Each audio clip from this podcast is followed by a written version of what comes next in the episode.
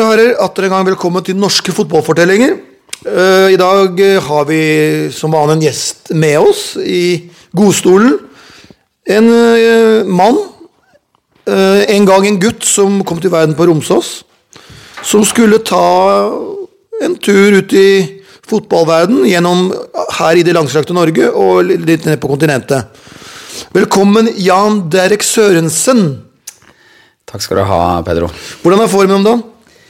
Formen er øh, Den er, øh, den er Jeg kan ikke si at den er bra heller nå. Det var fordi jeg ble skada. Jeg spilte fotball her om dagen som øh, gjorde at jeg fikk en, øh, en skikkelig en opp i hamstringen. Strekken, ja.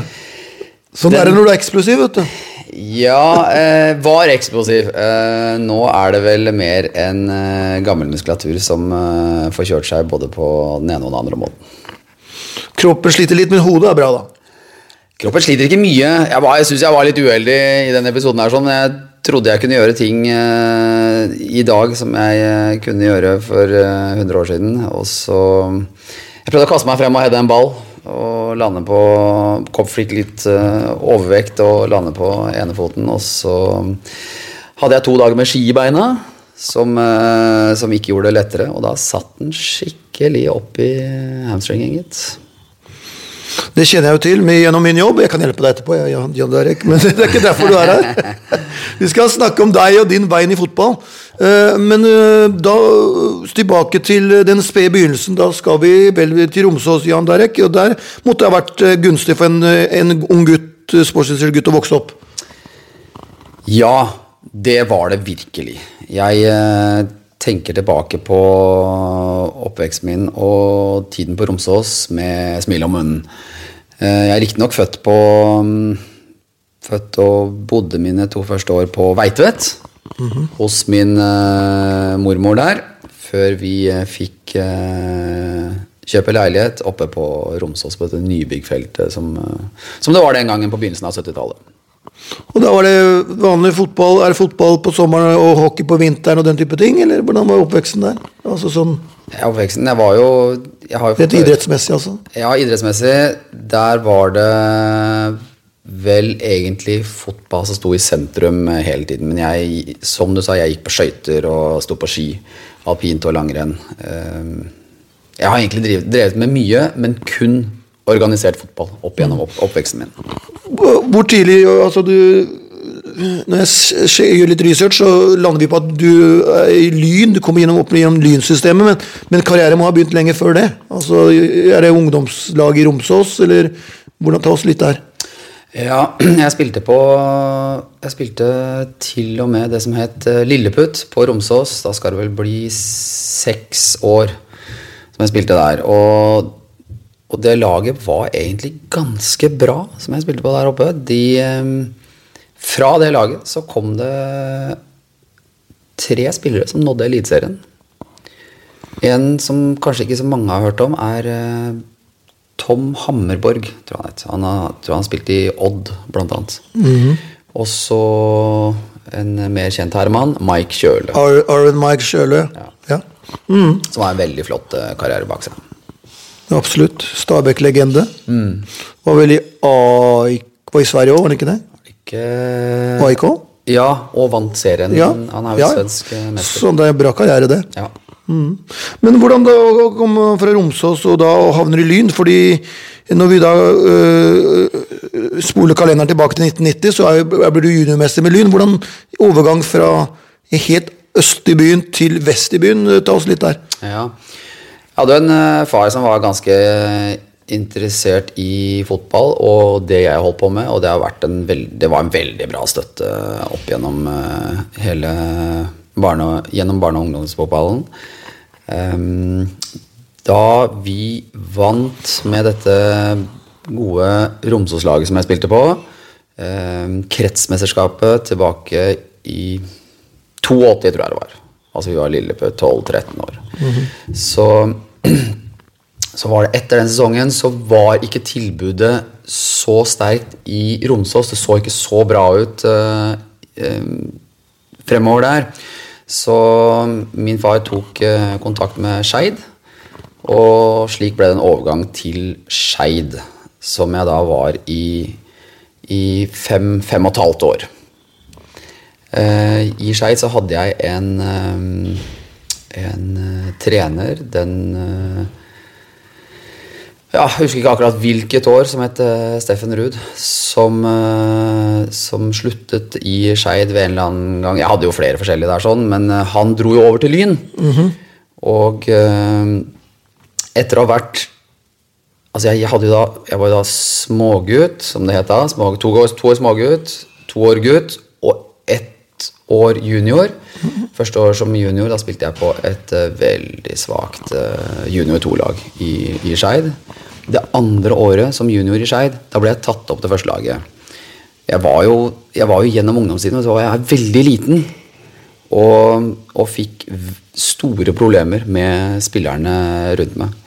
Og opplevde å, å bli fraløpt og fratatt ballen og, og herja med, hersa med. Og var litt redd ute på banen. Jeg var så liten.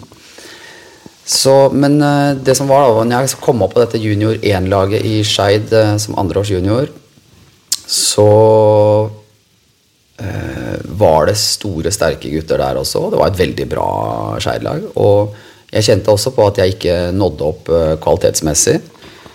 Um, og jeg fikk rett og slett ikke spille på vinteren. Jeg satt og så på hele kamper på vinteren ute på Nordre Åsen. På en benk, og det var jo snø, og vi spilte jo på is og holke og alt som var. Den, mentale, da- mentale siden der ved det, Jan, jeg avbryter deg, men er, er det noe du allerede tenker på da, at uh, vurderer liksom Dette funker ikke helt som jeg vil. Jeg, jeg er ikke ukomfortabel. Uh, Tenker man så, så, på den måten så tidlig? I så ung alder?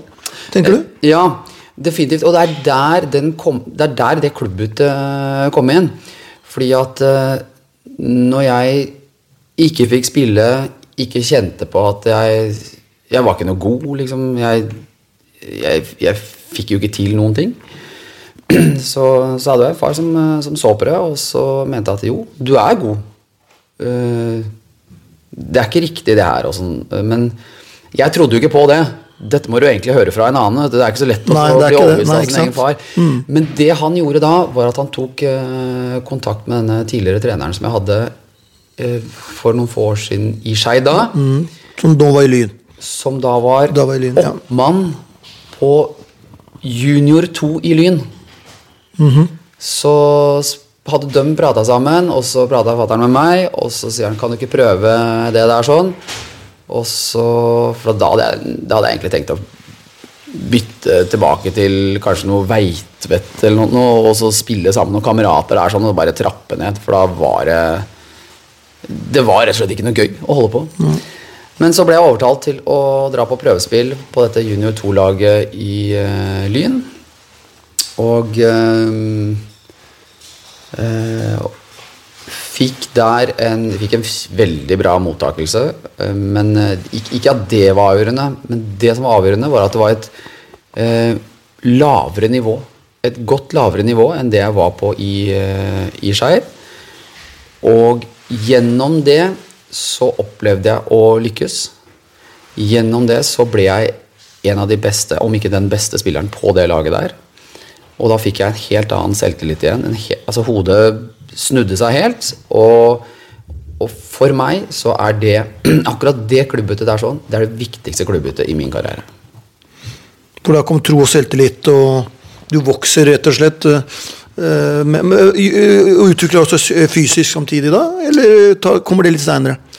Ja, jeg ut, utvikler meg ikke så Det er klart jeg vokste jo på den tiden der også, jeg sto ikke helt stille. Men det var først eh, Da gikk jeg vel an, første klasse videregående. Andre klasse videregående. Og så Det var jo først i tredje klasse videregående som jeg tok igjen jentene i klassen. Så da skjønner du at jeg hang eh, etter. Altså litt sånn utviklingsmessig. Ja. Ja. mm, ja. Yes. Og så er det Lyn, og tydeligvis så må Lyn ha gode unge spillere. fordi i 1990 så vinner jo Lyn NM for juniorer, og der er du en del, du er en del av det laget. Ja. Ta oss litt der. Ja, du vet det, jeg, skal bare avslutte det forrige. Jeg, eh, jeg satte jo fart på når jeg bytta til uh, Lyn på våren og spilte for dette rel relativt medioker andrelaget.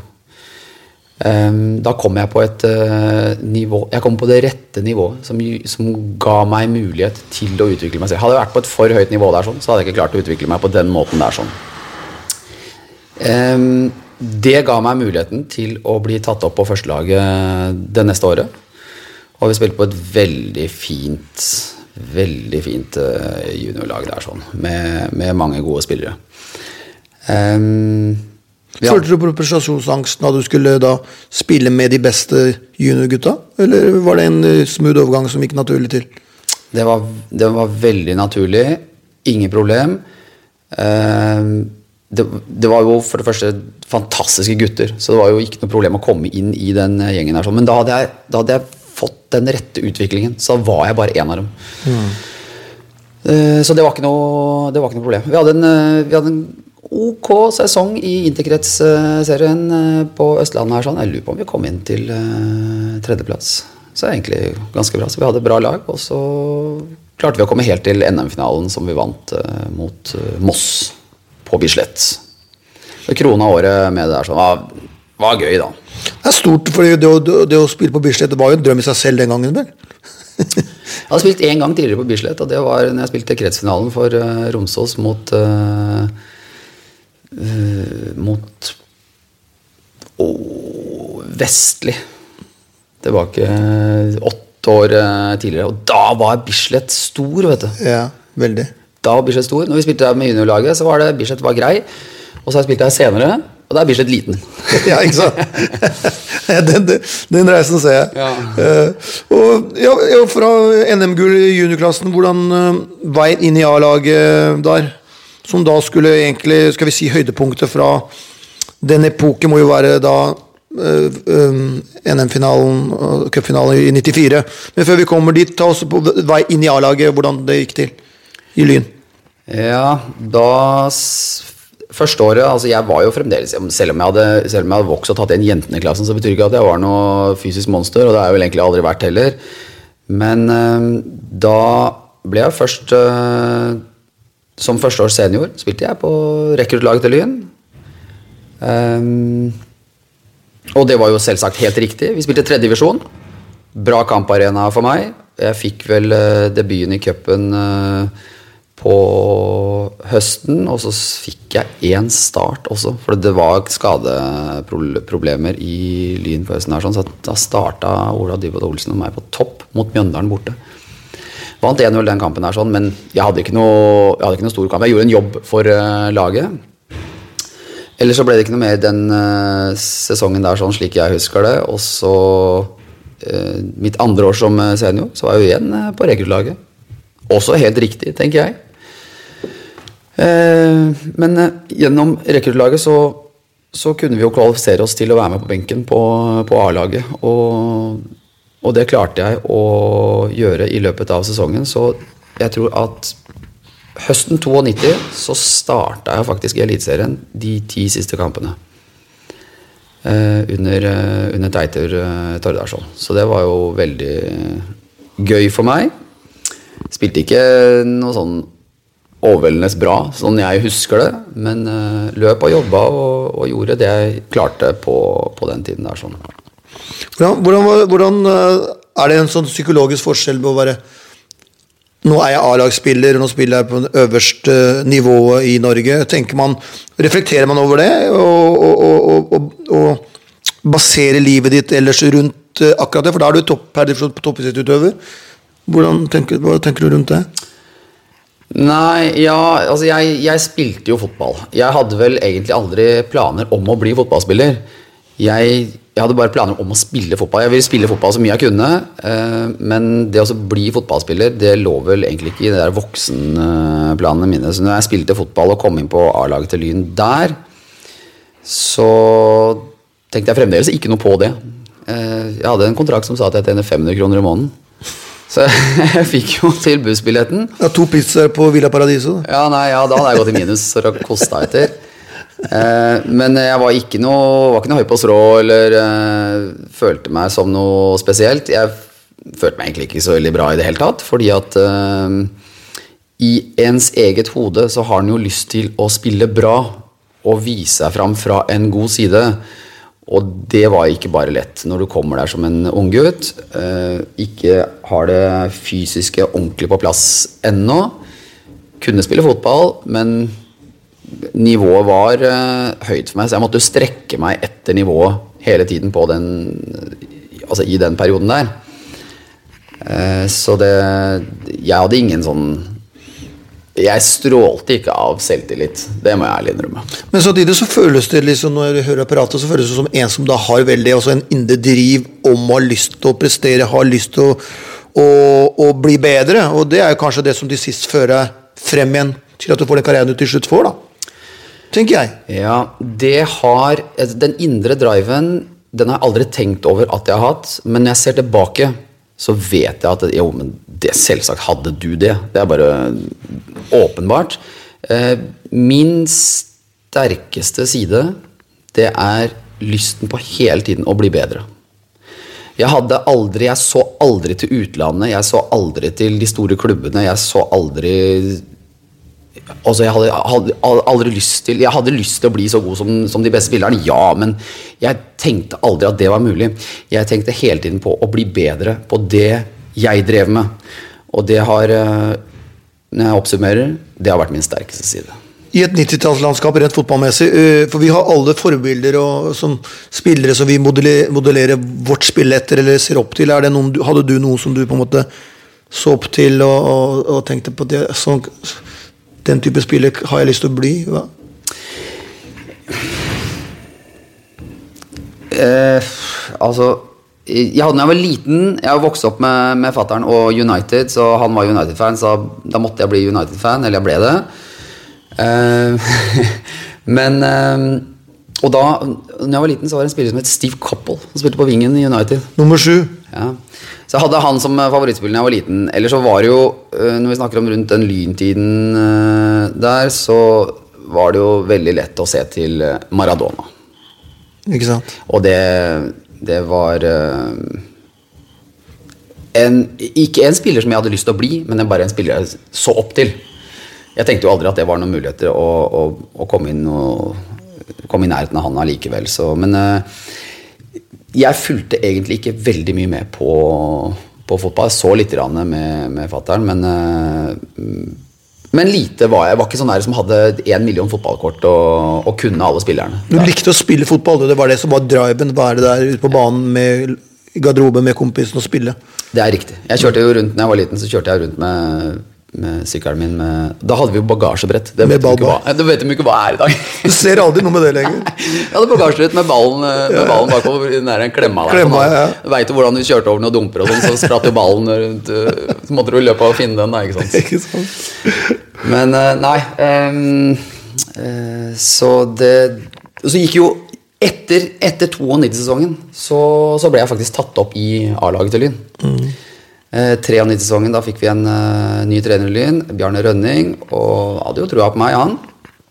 Men uh, 93-sesongen, det var liksom da, skal da skulle jeg liksom ta steg. Ikke jeg, jeg sa ikke det, det var veldig mange rundt meg som sa nå dette kommer til å bli veldig bra. Og jeg trodde jo ikke helt på det. Jeg tenkte jeg må bare, jeg skal bare prøve å bli bedre hele tiden. Eh, 93-sesongen var uh, veldig varierende for meg igjen. Altså. Gikk, uh, gikk, mye opp og ned. Jeg har en uh, uh, jeg ble, jeg, På våren så ble jeg rett og slett overtrent. Jeg fikk ikke restituert, og jeg endte opp med å spille veldig dårlig. Så ble jeg, så ble jeg satt ut av laget helt rettmessig, og da begynte jeg å spille annendivisjon, som rekruttlaget hadde rykka opp til igjen. Og satt på benken for, for A-laget. Og så Begynner troen å dabbe igjen litt da? Altså, altså, er det, altså det er, Selvtillit er litt ferskvare i fotball i livet generelt. Merket, begynte du sånn, liksom litt, spiralen begynte å gå litt ned, eller? Selvtilliten var definitivt ikke bra. Uh, men det var ikke noe Jeg tenkte aldri noe på å, å slutte eller i den retningen der sånn. Jeg spilte fotball. Punktum. Det var ikke noe spørsmål om. Men uh, jeg fikk litt eh, Jeg fikk hard medfart. Jeg, eh, denne nevnte treneren var ikke Jeg syns jo ikke han var grei mot meg. Det var ved én anledning så hadde vi noen skader. Og eh, eh, Vi hadde kampmøte før kampen. Ehm, og eh, på det kampmøtet, to timer før kampstart, så fikk jeg beskjed om at du skal starte. Ehm, og så fikk jeg også beskjed om at eh, dette er siste sjansen du får. Hvis du ikke gjør det bra nå, så er du ferdig i Lyn. Ehm, Det var klar tale. jeg, jeg satt jo der og, og tok det imot. Eh, men eh, jeg hata fyren hele veien etterpå. For sånn kan du altså ikke behandle mennesker. Det er, det er rett og slett dårlig stil. Så mm, jeg, Altså, var litt drøyt, da. Men eh, det jeg sa nå, men eh, det eh, Jeg går ikke rundt du mener det jo. jeg går ikke rundt og kaster bort tida mi på å irritere meg over noen. Det er bare når vi prater om det. Så, så kjenner jeg at det der var ikke, det var ikke riktig. Nei. Så øh, Men øh, Men har jeg, har jeg blitt sterkere av det? Nei, det, det der var ikke noe jeg tjente på. Det vil jeg, det vil jeg ærlig innrømme. Jeg spilte en ok kamp. Øh, Vi vant øh, tror jeg vant 2-0 hjemme mot, øh, mot HamKam. Eh, Spilte ikke etterpå. Og det Jeg har ikke noe problem med at jeg ikke spilte, at andre var bedre enn meg. Men, men sånn kan man ikke si til spillere som skal gå ut og yte for, for deg som trener. Det er noe du ikke tar med deg som trener selv i dag. Du, du, det er, uh, dette er, dette er eh, en av mine ting, eh, Pedro, når jeg ser på alle trenerne jeg har hatt. Jeg har lært noe av alle sammen. Og noen ganger så lærer du ting du ikke skal gjøre. Og da sparer du tid. vet du. Det, det, det, var, det var kanskje et drøyt eksempel, men andre trenere kan ha noe de gjør ute på banen som de bruker litt tid på, bruker ganske mye tid på, som ikke er bra, og så står du og ser på det og tenker det der skal jeg i hvert fall aldri gjøre selv. For det her er jo bare tull. Og da, da lærer du av de beste trenerne, og så lærer du av de dårligste trenerne. Negative ting er også en læreprosess ikke sant? Som, man, ta, som man tar med seg.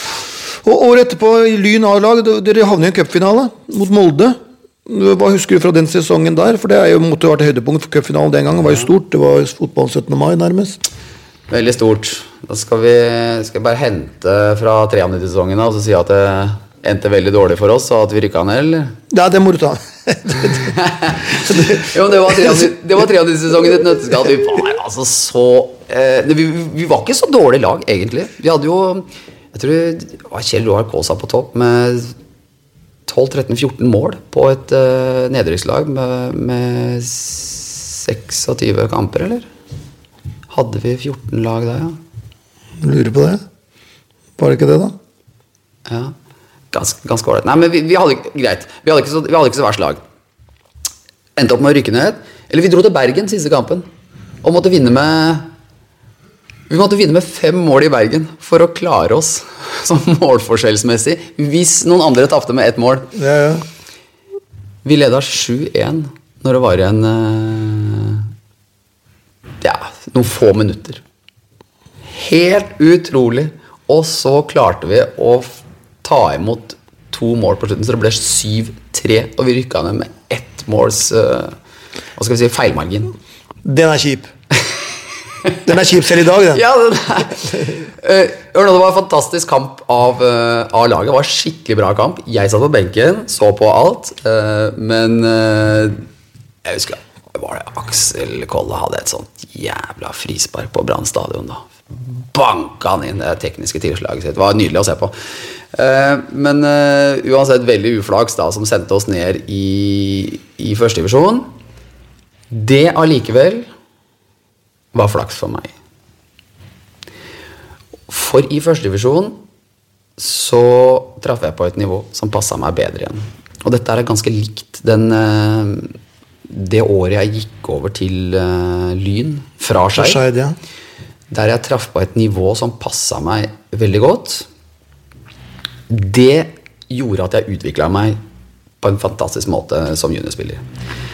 Det som da skjedde i første divisjon, var at vi, vi møtte jo lettere lag. Vi møtte jo ikke så gode lag. Og etter hvert så fikk jo jeg eh, eh, spilt mye. Den er, den er litt sånn mer brokete, den, den spilletiden min i første divisjon. Uansett så traff jeg på et nivå som passa meg bra, som gjorde at jeg utvikla meg. da. Når, når, det var jo Ole Nordin du, som tok over uh, Lyn i første divisjon da. Og så uh, Når jeg hadde en prat med Ole Nordin i begynnelsen av Jan januarmåned, så sa han at vi, vi har hentet en mann som uh, eh, s- Tom Buer hadde de henta fra, fra Lillestrøm. Lillestrøm-legende. vet du. Han var, var fin spiller. Tom Buer, altså. Var jævlig, Ja, veldig, veldig, veldig bra person også. Bra driv. Ja, ja, ja. Skulle spille høyrekant. Da sa Ole Nordlien til meg en, en mann som Tom Buer er vanskelig å ta fra han plassen. Så han hadde lyst til å prøve meg som høyrebekk. Ja, høyrebekk? Ja, greit. Så jeg greit, jeg prøver det. Og så, så da, da prøvde da, da spilte jeg da høyrebekk fra begynnelsen av januar av. Ehm, og det gikk jo offensivt veldig fint. Eh, defensivt så har jeg aldri vært en slugger. Defensivt så handler det mye om å ligge riktig og sånn som angrepsspiller. Sånn at du stenger rom og, og bare følger eh, forsvarsspilleren hvis noen går i angrep. Eh, men som forsvarsspiller så skal du ikke bare ligge riktig. Der skal du vinne dueller, der skal du fighte, der er det hodedueller, der er det taklinger. Og, og der har vi andre som er eh, Som opp gjennom årene har vært mye bedre enn meg, åpenbart. Men eh, så kom det jo til et tidspunkt i, uh, i 94-sesongen. Jeg ble skada i en kamp. Da måtte jeg ut. Og da er jeg ganske, slik jeg husker det, så kom eh, Kjetil Wæler inn for meg. Og jeg fikk ikke plassen tilbake. Og sånn er det jo fotballen. Eh, så mm, da var det midt på sommeren i, eh, i 94 i første divisjon. Som jeg mente passa meg veldig bra. I hvert fall i etterkant. Ser det. Eh, som Da hadde jeg fått nok. Og så, uten at jeg visste det, så hadde fatter'n tatt kontakt med Bærum. Eh, og da hadde han spurt om, om de ville ha meg. Så Bærum sa 'kom igjen'. Og så tok eh, fatter'n kontakt med Lyn og sa at 'Bærum vil ha Jan Derek, kan dere slippe han?' Og da sa Lyn nei. Vi vil at den skal være her. Og så kom jeg innpå i første kampen, og så spilte jeg resten av sesongen på høyrekanten. Og da spilte vi bra på høsten, både i serien og i cupen, som resulterte da i en cupfinale mot et annet førstedivisjonslag, Molde. Stavrum og co.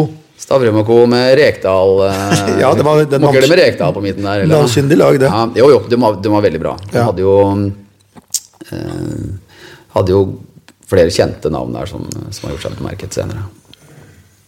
Var Petter Rudi der så tidlig? Jeg tror det. Var Flako? I bak Ja, de hadde bra. De hadde, hadde, var et, et meget bra lag, ja. Så Ja, og, og, og, og du scorer jo en finale som går litt frem og tilbake, og som dere til slutt skal tape. Og så kan man si han er uheldig både med keeperinngrepene og dommeravgjørelser, men du skårer. Og det å skåre i cupfinalen, sånn som fra vår oppvekst, det var jo Du ble jo kunne bli legende resten av livet bare for det.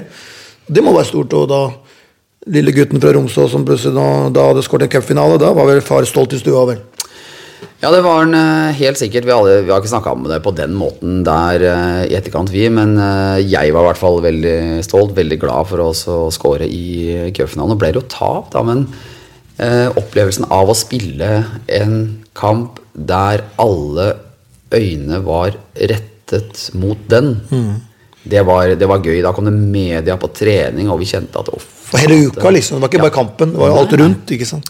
Trente på, vi trente på Voldsløkka. Da var da Voldsløkka matchbane var eh, veldig god.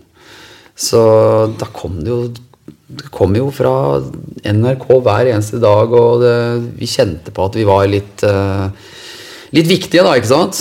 Så var det jo en, eh, det var jo en jevn eh, finale. Tapte 3-2. Burde jo kanskje hatt et uh, straffespark Ja, det kan du det er på slutten her. 110 sikkert. ja. Og var vel var det ikke Sture Fladmark Var det Ole Bjørn Sundgodt som var nede og felte der? Nei, helt krise. Det var jo så, det var jo så straffe at du får jo ikke mer straffe. Nei. 100% mann, ikke ball. Ja. så det, det Ja. Dommeren var visstnok skygget, ifølge kommentatorene, men ok. Ja. Det ble tap, da. Surt? Eller er du glad for å være i finalen, liksom? Eh, det var eh, blandet. Jeg var veldig glad for å være i finalen. Veldig glad for å ha scora et mål. Eh, men surt for det vi tapte. Men vi kom oss ganske fort på banketten. Det vil jeg si. Eh, vi var Hadde det vært på på mine eldre dager så hadde det vært mye verre å tape Ja. finalen. Den gangen så var jeg ung og, og fremadstormende, og det var liksom Det var sånn som du sa, det var stort å bare være der. Glad over å bli investert på festen, liksom. Ja. Det, det, det, har du den rette holdningen, så holder det ikke bare å være der. Da skal Nei. du vinne også. Men, men dette er noe som, som du utvikler gjennom årene når du holder på med idrett. Så jeg hadde jo den eh, senere. altså Det holdt ikke bare å være der. Da skal vi, da skal vi jaggu meg vinne også. Hvor- Hvordan, da skal vi nordover i det langstrakte Norge. Hvor, hvor, hvordan eh, kom Bodø-Glimt på banen? Og det viste seg å være en veldig god uh, move. Eh, Var det da litt magefølelse, tilfeldigheter? Uh, hva tenker du? Eh, Trond Solli, jeg snakka med han eh, før jeg, når jeg kom opp dit, før jeg signerte. Det var jo han som var trener der da. Han hadde vel vært på Ullevål stadion og eh, ringt opp til eh, Glimt i pausen. Ringt, ringt opp til klubben da, i pausen og sagt at jeg skal ha han uh, høyrevingen. Så, så det var jo, var jo veldig flaks for meg at han eh, Og det var jo, jeg skåra mål først i andre omgangen. Men han så jo noe mer enn bare mål. da Han så jo meg som spiller. Og mm, når Bodø-Glimt kom på banen Da husker jeg jeg var hjemme hos eh, Når jeg fikk vite det første gangen, så var jeg hjemme hos eh, Tommy Bergersen, som jeg spilte sammen med i Lyn det året der. Og så, så sa, sa Tommy at da, det ligger brev til deg eh, fra Bodø-Glimt. I, Brev? I hylla, ja. brev den gangen. Var ikke det mail? Nei. Det ligger brev til deg fra, fra Bodø-Glimt i hylla di på, på klubbhuset eller på kontorene. da. Bodø-Glimt? Ja, ja, jeg skal ikke flytte fra Oslo likevel. Det Det var det første jeg sa. Yeah. Jeg skal ikke flytte fra Oslo. Glem det, liksom. Nei, det var helt uaktuelt å flytte fra Oslo. Så mm, eh, Men så ringte jo klubben til meg og sa at de ville gjerne møte meg, og jeg, jeg prata litt med dem. Og eh, da var det plutselig veldig viktig for Lyn også å ha et eh, møte med, for da ville også Lynet beholde meg. Og eh, før eh, Altså, men, men når Lyn kom på banen da, så hadde jeg egentlig fått vite du, at før den sesongen der, så skulle jeg egentlig ikke få lov til å være med. Og da gikk det en faen i meg. Det skal jeg love deg. Det var noen som hviska meg det øret. Du skulle egentlig ikke få, få, lov til å være med denne sesongen. her sånn. så, Men så fikk jeg liksom være med likevel. Da tenkte jeg, fy inn i helvete. Så hadde jeg et um, Beklager ordbruken her i Jo, jo, men det, det, du følelse, få ut følelsene. Men så, så hadde jeg en sånn Da hadde jeg en prat med, med ledelsen i Lyn, og så sa jeg at eh, sånn som dere behandler unge spillere, her har jeg ikke lyst til å være. Så hadde jeg bestemt meg for å dra til, eh, til Bodø-Glimt. Så hadde jo jeg en eh, toårskontrakt eh, Da var jeg halvveis inn i en toårskontrakt med Lyn den gangen, eh, som har vært uh, ca. 2 kroner og 50 øre. Jeg hadde vel Jeg hadde faktisk 3500 kroner i måneden på den tiden her. Så det var, var litt mer enn de 500 kronene som Ja, det har gått opp i lønn. Ja, ja. Hvor mer skal det bli etter hvert. ja da, men eh, Men da eh, Men da hadde jeg bestemt meg for å, å dra. eh, og det var et veldig riktig klubbbytte for meg.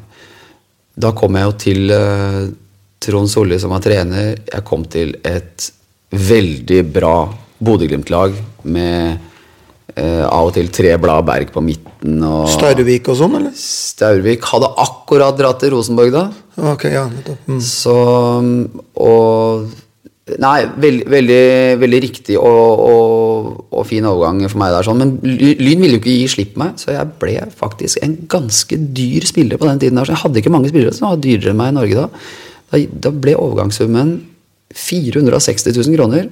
Og det, er- Det er mye penger, det. det var veldig mye den gangen, men det er Ja. peanøtter i dag. Altså, Ja, jo- men den gangen, vi snakker jo 90-tallet. Altså, det er liksom Ja, hvis jeg husker riktig, så, så, så vet jeg at Stein Berg Johansen kosta 500 000 når han kom fra Tromsø til uh, Lyn før 94-sesongen.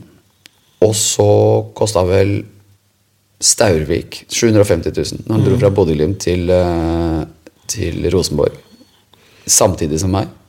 Og så var det vel Øyvind Leonardsen hadde en dyr overgang, han også, tror jeg, til, uh, til Rosenborg. Eller så tror jeg ikke det var noen andre overganger som var dyrere enn meg. Og jeg hadde et nærmest ubeskrevet eh, rulleblad i fotballen. Så, så prisen eh, den kom og beit meg litt i, Ja. i ræva. Tenkte du på det når du lå der på natta? liksom, Jeg koster, jeg koster så så mye, nå må jeg levere. Nei, jeg gjorde ikke det før lokalavisen tok det opp på vårsesongen, første sesongen i, i Bodø, da laget gjorde det bra. Og så gikk de på meg med den med, med overgangssummen og prisen som jeg hadde. Da kom det og, og beit meg litt i ræva. Um, synes jeg, var, jeg syntes det var helt ufortjent.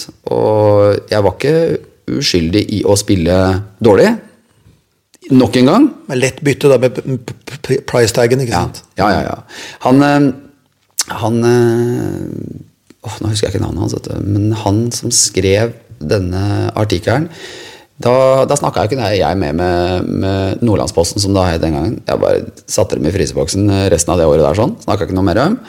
Men han har, jo, han har jo kommet til meg senere og bedt om unnskyldning og sa at han tok feil der sånn, med den artikkelen. Altså, han, eh, han har skrevet for Aftenposten eh, senere og skrevet masse bra artikler. og sånn, blitt en bra, Virker som en bra journalist, syns jeg, da. Sosialt utafor banen var det greit å finne seg altså Nord-Norge. Det er ikke litt kulturforskjeller fra Oslo vest og vestlig til øh, Eller Romsås til, til Nord-Norge. Gikk det greit? Ja, for det første så det å bytte fra, fra Oslo øst til Oslo vest, fra fra Veitvet, som jeg bodde da, eh, spilte jo for seg, da, men eh, til eh, Lyn, det var, eh, det var lett. Jeg møtte altså så mange bra spillere som spilte for eh, de to juniorlagene jeg spilte for i Lyn. Så det null stress. Det altså bytte fra Oslo til, eh, til Nord-Norge og Bodø, det var også en lek. Fordi at det var så mange bra mennesker der i klubben, i spillertroppen. Så da blir det lett.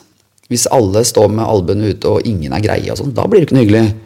Men jeg opplevde ingenting av det. vet du.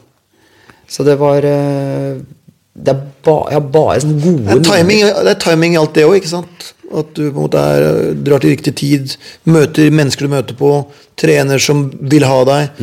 Så ting lå litt sånn til rette. da. Eh, trener, hva vil du si om Trond Solli som trener? Veldig god trener. Veldig god trener. Bestemt, i hvert fall. Um, ja, men han er ikke bestemt på en sånn busete måte. Han er mer Han vet hvordan han skal ha det, og, og forklarer det ganske rolig. Eh, egentlig ikke sett han ordentlig forbanna, Ja. Det er sånn Det er sånn Nei, jeg, For Man tenker på Solli som en litt sånn egentlig som en sånn, sånn streng, litt vinnertype. Men det er kanskje feil? ja, jeg vil si at eh, Rekdal er en sterkere vinner. Trond Solid definitivt vinner. Men Trond Solid har et vesen som ikke Du blir ikke skremt av vesenet, men han er kompetent. Var, var veldig flink trener og, og flink til å få ut det beste av uh, forskjellige spillere. Og kunne, kunne det med Han kunne virkelig det med 4-3-3 og har sikkert utviklet seg uh, senere til å ta, å ta andre systemer også. Men uh, var Hadde et godt øye for, for spillet og for spillere. Og plukke ut talenter. Og når vi snakker om spiller og spillerstil, nå har du, nå har du blitt en veldig distinkt eh, skal vi si, ytterforvar, altså en wing, eh, som da kvikk, eh, kan gå begge veier, for som fot. Og ta oss litt der, hvordan føler du da liksom karrieren min, jeg etablert karrieren min er på vei opp, selvtilliten vokser. Ja, og du skal, og, og du gjør jo, du må jo, du gjort det bra i Glimt, fordi videre til RBK i 98. Eh, så de må ha sett noe bra, ekstremt godt som de likte der, siden du havner i Trondheim. Men eh, før vi går til Trondheim, spillemessig for Glimt, hva, hva vil du fortelle om Jan Derek Sørensen, spilleren der, i den perioden? Ja, da kom jeg opp dit uh, som wing, og Trond Solli sa du skal komme opp hit, du skal være wing, og du skal angripe, angripe. Du skal ikke forsvare så mye, Jeg skal angripe. Jeg tenkte ja, det er jo veldig fint. Høres greit ut. Høres jo bra ut. Eh, Når jeg kom opp, så Jeg, jeg var jo høyreving mest, ikke sant? Jeg var høyreving og spiss, men høyre. Og da når jeg kom opp, så var eh, Åsmund Bjørkan skada på vinteren der. Han var jo eh, prototypen på en høyreving i Bodø-Glimt i det Bjørkan, 4-3-3-systemet. ja, Eh, Ser han foran meg. ja, ja, superrask og opp og innlegg og opp og score mål og så videre. Kunne jo det spillet der sånn ut og inn. Da spilte jeg høyre til å begynne med, som var, det var fint, det. Eh, fordi at det var jo den posisjonen jeg kjente best. Og eh, jeg var Jeg husker jeg kom hjem etter første treningen. Jeg husker jeg sa til, til kona mi at fader, altså, her oppe er de gode. så jeg, var, jeg hadde stor respekt for, eh, for spillerne her, sånn, og de var virkelig gode også.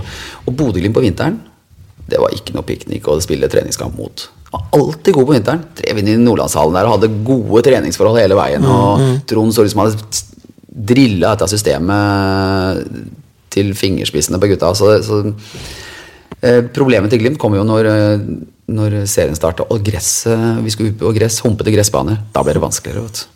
Men eh, uansett, eh, når, jeg, når vi starta å spille, så utover på vinteren så ble jeg flytta opp på venstresiden. Fordi at eh, da kom Åsmund Bjørkan tilbake, og da fikk han eh, to raske vinger, Trond Solid. Og venstre fungerte helt fint for meg. Så jeg spilte jo tre år venstre i, Venstre, ja. i Bodø-Glimt. Ehm, spilte jo den på samme måte som høyre.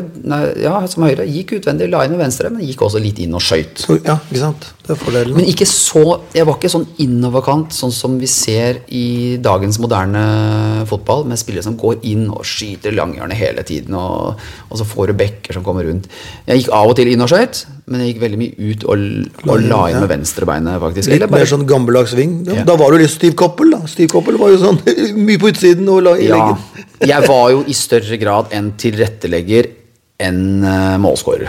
Og det har alltid ligget om jeg, altså jeg skal si det, mitt hjerte nære. Altså det å sette opp andre også. Assi assistanse. Ja. Ja. Jeg syns jo det er like Det, er, det kan være en nesten like god følelse å så sette en vanske, et vanskelig innlegg, treffe en som kommer mellom stopperne, og han bare pisser den inn, eller header den inn, eller hva han gjør for noe. Det, det kan gi like god følelse, og det er eh, mange ganger så er det vanskeligere enn å skåre. å score. Jeg føler deg 100% Jeg syns det der å kunne være en, en se, hvor du, se hvor du kan legge et genialt plass, og, og, se det og gjøre det. Mm. Det er en tilfredsstillelse, vel det. For det er jo kreativt, det å skape. Ja. Så 100% enig med deg der. Uh, Vi hadde jo en gærning vet du, inne, inne på spisen. Først så spilte jo Bent Inge Johnsen spiss. Bent Inge Johnsen, Ja, klassisk spiss. Ja, veldig fin. Altså veldig, veldig smart fotballspiller. God i boksen. Ja, ja, ja. Veldig fin å spille med, men så fikk vi noen skader i laget som gjorde at Bent Inge ble flyttet tilbake som midtstopper. Så, ja. Og så kom jo denne feskeren fra, fra Lofoten eh, inn på topp. Stig Johansen. Stig. Han var jo veldig Altså, rask. Du, vi har den klassiske rask og sterk, og han blir intervjua på, på TV-en. og sånn, Veldig morsomt. Men han var, han var virkelig bra å spille sammen med. Helt uredd. Var eh, litt Ikke sånn veldig mye større enn meg, litt grann, men litt sånn mer muskler på han. Og, og, og hvis det sto noe i veien for, så løp de bare, løp de bare ned. Så, så han òg, med, med 19 mål det året der. Helt utrolig. Skjer det da en, en, en dynamikk der at man begynner liksom å få en kjemi mell- med, mellom spissen og du som har den posisjonen du har med innlegg og innløp og Er det, sånn, er det, er det noe man utvikler som med, med en sp ren spiss når du, i forhold til den posisjonen du hadde? Ja, du? definitivt. Det er også mm, eh, Hvis spissen skal score på innlegg, det er et samarbeid mellom spissen og eh, kantspilleren, eller den som legger inn. Så du må skjønne hvilke rom du skal løpe i. Du må, du må skjønne som spiss hvilke rom jeg ser etter, eller hvilke rom vi ser etter sammen, som er farlig at jeg skal legge inn i. Men, eh, og, det, og det med vi, Da hadde vi jo tre, tre spillere på topp, Åsmund Bjørkan, Stig Johansen og meg, som var, alle var raske. eh, Og dynamiske, da, ikke sant. Så vi var nok, eh, når vi spilte vår beste fotball, så var vi nok ikke så lette å håndtere, tror jeg. Det var en morsom tid, høres ut som en morsom tid for deg som spiller. Veldig morsomt. Altså, du, jeg nevnte det vel i stad med, med denne Når vi begynte sesongen 95, første året mitt der oppe, gikk dårlig på våren. Klassisk Bodø-Glimt. Vårbaner og trøbbel og spille den fotballen langs bakken. Og, og jeg fikk skylda med store, store bokstaver i avisen med dyr og dårlig. Var noe, da, det var ikke noe hyggelig. Juba, juba. Ja, ja, ja. Så, men så gikk det jo bare oppover derfra, vet du. Ja. Og vi spilte inn til tredjeplass eh, det året der. Så det, vi hadde en veldig fin eh, sesong eh, der sånn. Og det var utlysningsvinduet til uh, Trøndelag, da. Ja, jeg hadde jo litt sånn tur med, med det der sånn, for at uh, gjennom de tre årene jeg var i Bodø der sånn, så var jo de to første årene så var Trond Solli trener. Og så ble han sparka etter andre sesongen. Eh, For meg, som ikke var ordentlig innere, så var det veldig overraskende. Men klubben eh, ville noe annet, og det må du bare akseptere. Og som spiller så må du bare fortsette. Det Trond Solli gjorde da, det var at han dro til Trondheim. Og så ble han assistent under Nils Arne Eggen. Og etter det, på høsten, nei, på sommeren På sommeren etter, etter jeg har vært i Bodø-Glimt i to og et halvt år, og han da har vært i Rosenborg i et halvt år, så kommer telefonen fra Rosenborg, og Rosenborg vil ha meg ned til Trondheim. Og det er jo rett og slett fordi at Trond Solli hadde den eh, nødvendige innsikten om hvordan, jeg, i hvordan jeg var som spiller, og tenkte da også neste år. Ikke sant? Så jeg hadde jo, det var litt flaks for meg, kanskje, at eh, Trond Sollier måtte gå fra Bodø-Glimt etter to år der, sånn, og at han dro til, eh, til Trondheim og Rosenborg. 4-3-3. Passer bra, det. ja, han meg jo, Det var jo han som henta meg ned dit, og det er jeg jo evig takknemlig for. Og da kommer du under vingene til en annen stortrener. Eh, Nils Arne Eggen. eh, som vel, Det er ikke noe død på si at han og Drillo er vel de to største trenerne, trenerne vi har hatt i forhold til hva de har fått til. Eh, hvordan, hvor, skal vi begynne med Nils Arne Eggen? Hva, hva Eksentrisk, intelligent, kraftfull altså Emotions, det sånn jeg tenker på. Hva tenk, når jeg sier Nils Arne Eggen, hva, hva er det første du tenker på? Ja, gal og genial, og alt imellom. Så det er jo, du får, du får hele pakka. Hele pakka, ja, du får er- ja, hele pakka. Han, og han spilte på alle strenger. Så um, veldig interessant tid, vil jeg si. Hva vil du si storheten til Arne Eggen var? Ehm, han Han favnet jo over alt i klubben. Han kunne jo finne, på å skjelle ut eh, vaskekjerringa for at du vaska gærent.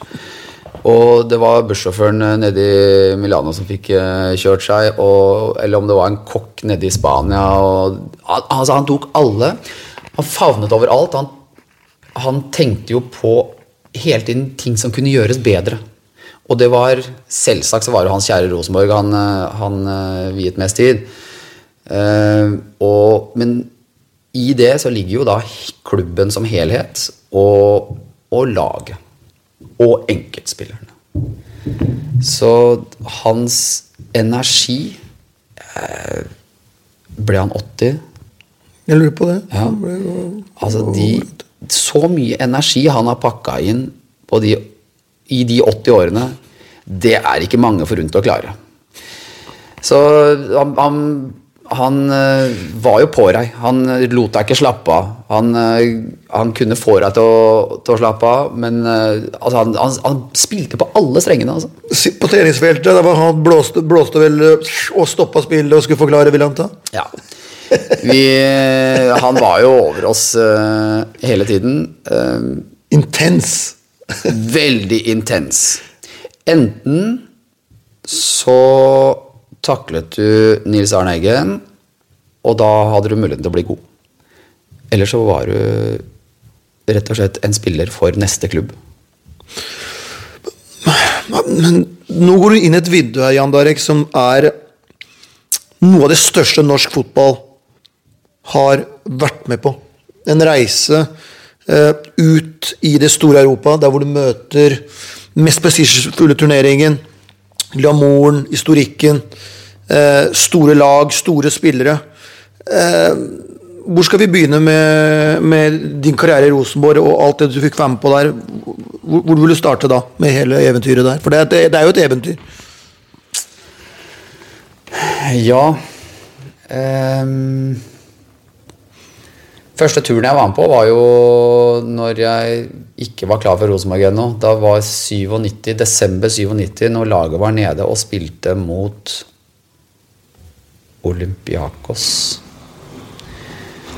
Eh, leda 2-1, tror jeg, på slutten. Og så var det den eh, famøse muren og en litt dårlig inngripen av uh, Jørn Janfall. Ja, det som gjorde at det ble 2-2, som ikke, gjorde at det ikke gikk videre Ja. i Champions League. Det hadde gått Ja. videre, faktisk. Gått videre, ja.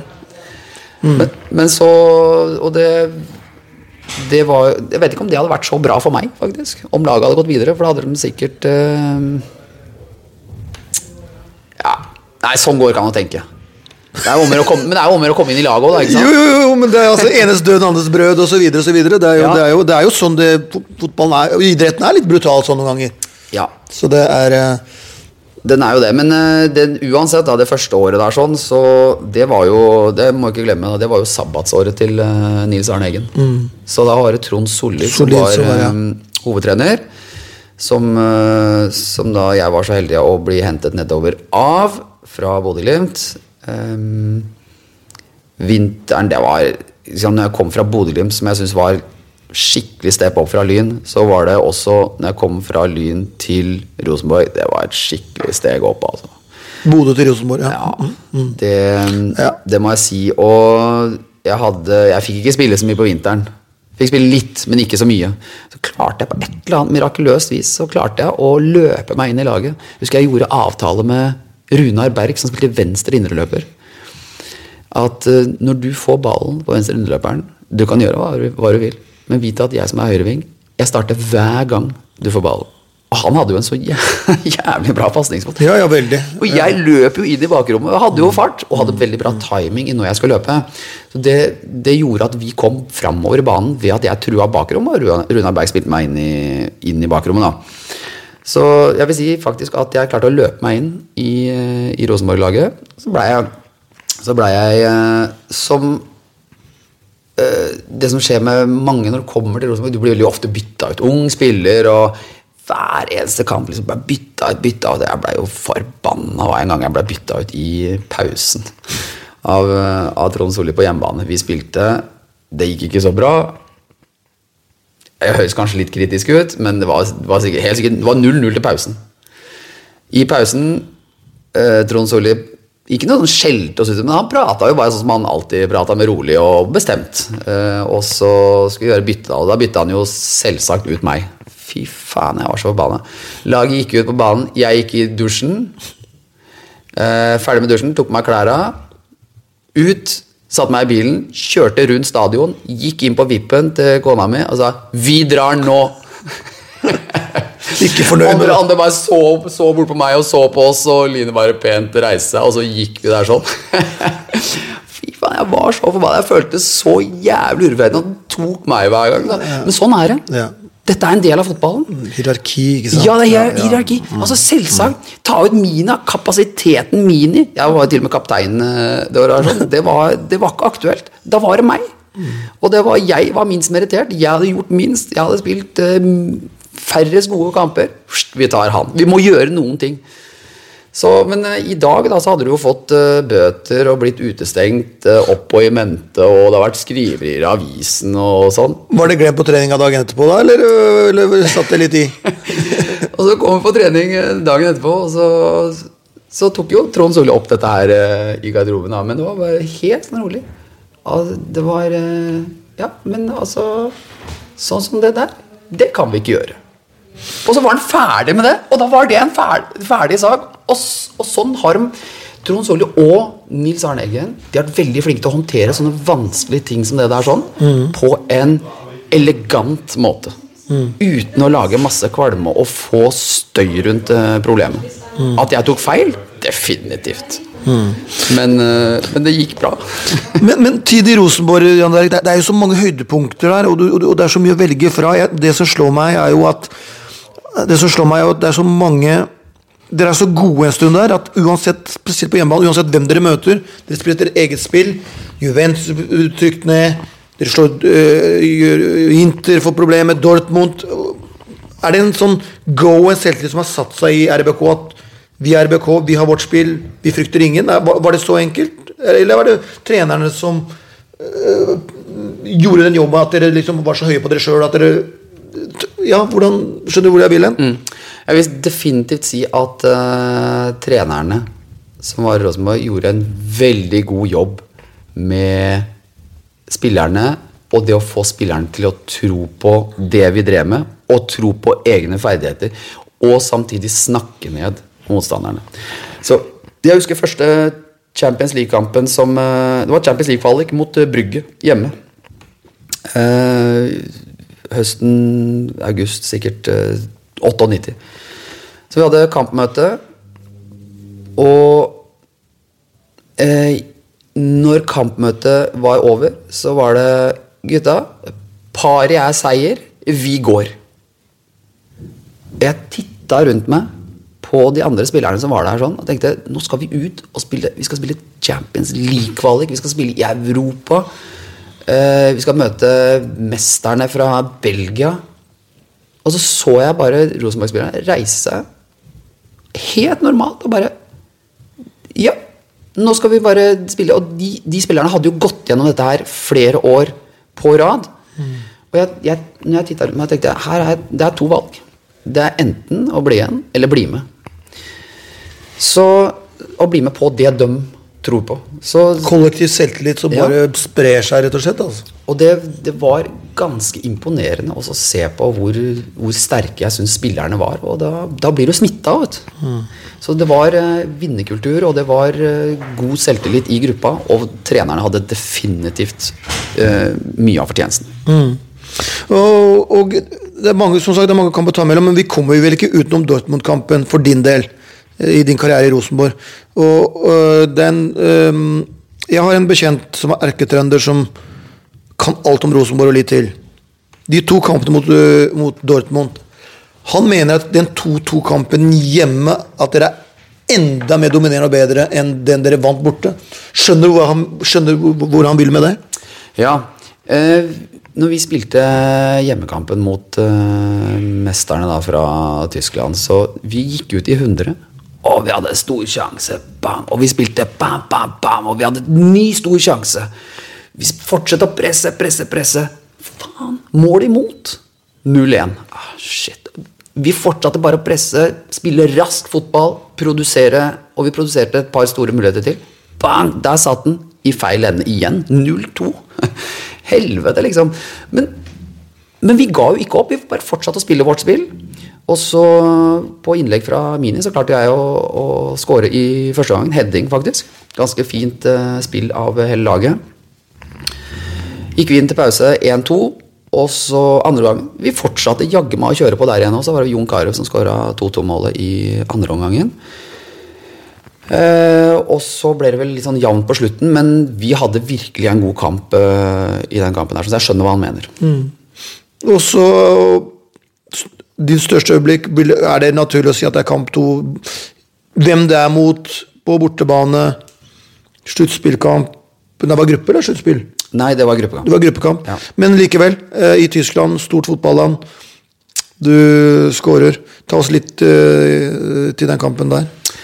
Ja, bortekamper i Europa er jo aldri lett. Det er jo de beste lagene i verden, de håndterer jo bortekamper uh, veldig greit. Men uh, statistikken Jeg har ikke statistikken klar, det har kanskje du, men uh, Dere var bedre på Lerkendal enn dere var på bortebane, Ja. det kan vi si. Ja, det er vår Det er, det er, det er Rosenborg sin statistikk, da, men på generell basis så er jo hjemmekamper vinnes så klart oftere enn bortekamper en bortekamp, ja. Definitivt. Og vi skulle jo møte laget som leda Bundesliga. Men vi, ikke, vi spilte dem ikke ut etter alle kunstens øh, regler. Det gjorde ikke vi, altså. Men øh, Det var en relativt kontrollert seier, tross alt. Da. Et offside-mål som selvfølgelig du var Ja. heldig med, men, men likevel. Jeg syns jo det var eh, Ja, den hadde blitt tatt med var i dag, selvsagt. Men uh, den hadde, hvis ikke Jon hadde vært borti den, så hadde jeg, den hadde kommet til meg uansett. For den pasningen, den var ment for meg. for deg, ja. Så jeg hadde fått den uh, store sjansen øh, allikevel. For jeg hang igjen med foten og tenkte jeg skulle ta den med med foten bak meg. Men øh, øh, kontrollert seier Ja, vi hadde vel kanskje ikke så mange store sjanser imot den kampen der. Ja, Dere var effektive, det var dere jo. Men, men, men jeg syns det var kontrollert eh, i forhold til mye annet man hadde sett før på bortebane. Ja. Så det, det, det må jeg si. Nei, det er klart. Prestasjonen er, eh, den er god. Prestasjonen er stor, og vi, vi slo uh, de tyske mesterne og det laget som per dags dato da eh, ledet Bundesliga, så det holder vel egentlig Altså, det, det underbygger prestasjonen godt nok, det, da. La oss gå litt tilbake til din tid i RBK på hjemlig front. for Da, da begynner du å bli- vant til en vinnermaskin. ikke sant? Eh, Seriegull, men vi, må, vi kan jo ikke glemme Det var stort med cupfinale i 94 med Lyn. Det må jo være stort å skåre to mål og avgjøre en cupfinale med RBK i 98 mot Brann, vel? Ja, 99. 99 mot Brann, unnskyld. Ja, 98 så møtte vi Stabæk i cupfinalen med Rosenborg, og da husker jeg at jeg Tap etter ekstraomganger, vel? Det var ja. da- ja, ja. da- To tap skulle du ha før du egentlig skulle få lov til å få Ja, altså det tapet der, det svei. Altså, når jeg husker Mini satte seg i badekaret etter, eh, etter kampen og sa ja, ja. Det er bare en fotballkamp. Men eh, den, den traff ikke meg, altså. Det, var, det var, da var jeg bare forbanna. Jeg var forbanna for at jeg ikke starta. For at jeg burde starta. Jeg stemmer, du kom inn i 102 eller Ja, sånt. ja, ikke sant, kom innpå. Jeg fikk ikke starte, for jeg hadde spilt dårlig mot Stabæk tidligere den sesongen. Det, men spilt bra i Champions League. Nei, den, der var jeg ikke enig med Trond Solli. Det har mye, mye å takke Trond Solli for, men der taktisk så bomma han, uh, syns jeg. Ja. Så jeg skal ikke si at vi hadde vunnet hvis jeg hadde starta, men jeg burde starta. Um, så når vi tapte den andre cupfinalen min der sånn, da var jeg, da var jeg forbanna. Men, og så kom jo da tredje cupfinalen, og da var det liksom Er det er, Årlig, årlig greie det. ja. Men den tredje cupfinalen, ja, da Brann eh, Brann kom til verket med planer om å forsvare seg og ødelegge for oss. Så det var, eh, det var en vanskelig kamp som endte opp med at uh, jeg skåra to mål i andre gangen, og at vi vant uh, 2-0. Og det var, uh, det var Det var skikkelig godt å endelig få den eh, pokalen der i havn. Du er, du er jo er noen år eldre enn det første gangen du var i en, semifinale, nei, i en finale. og Nå har du blitt rutinert og vant til å være i finaler. Og Husker du liksom ba banketten var, var du litt, sånn, litt, litt høyere og litt mørkere på banketten da, eller var det sånn just uh, business as usual? Ja, du, nå skal vi, nå skal vi bare hoppe tilbake i 96.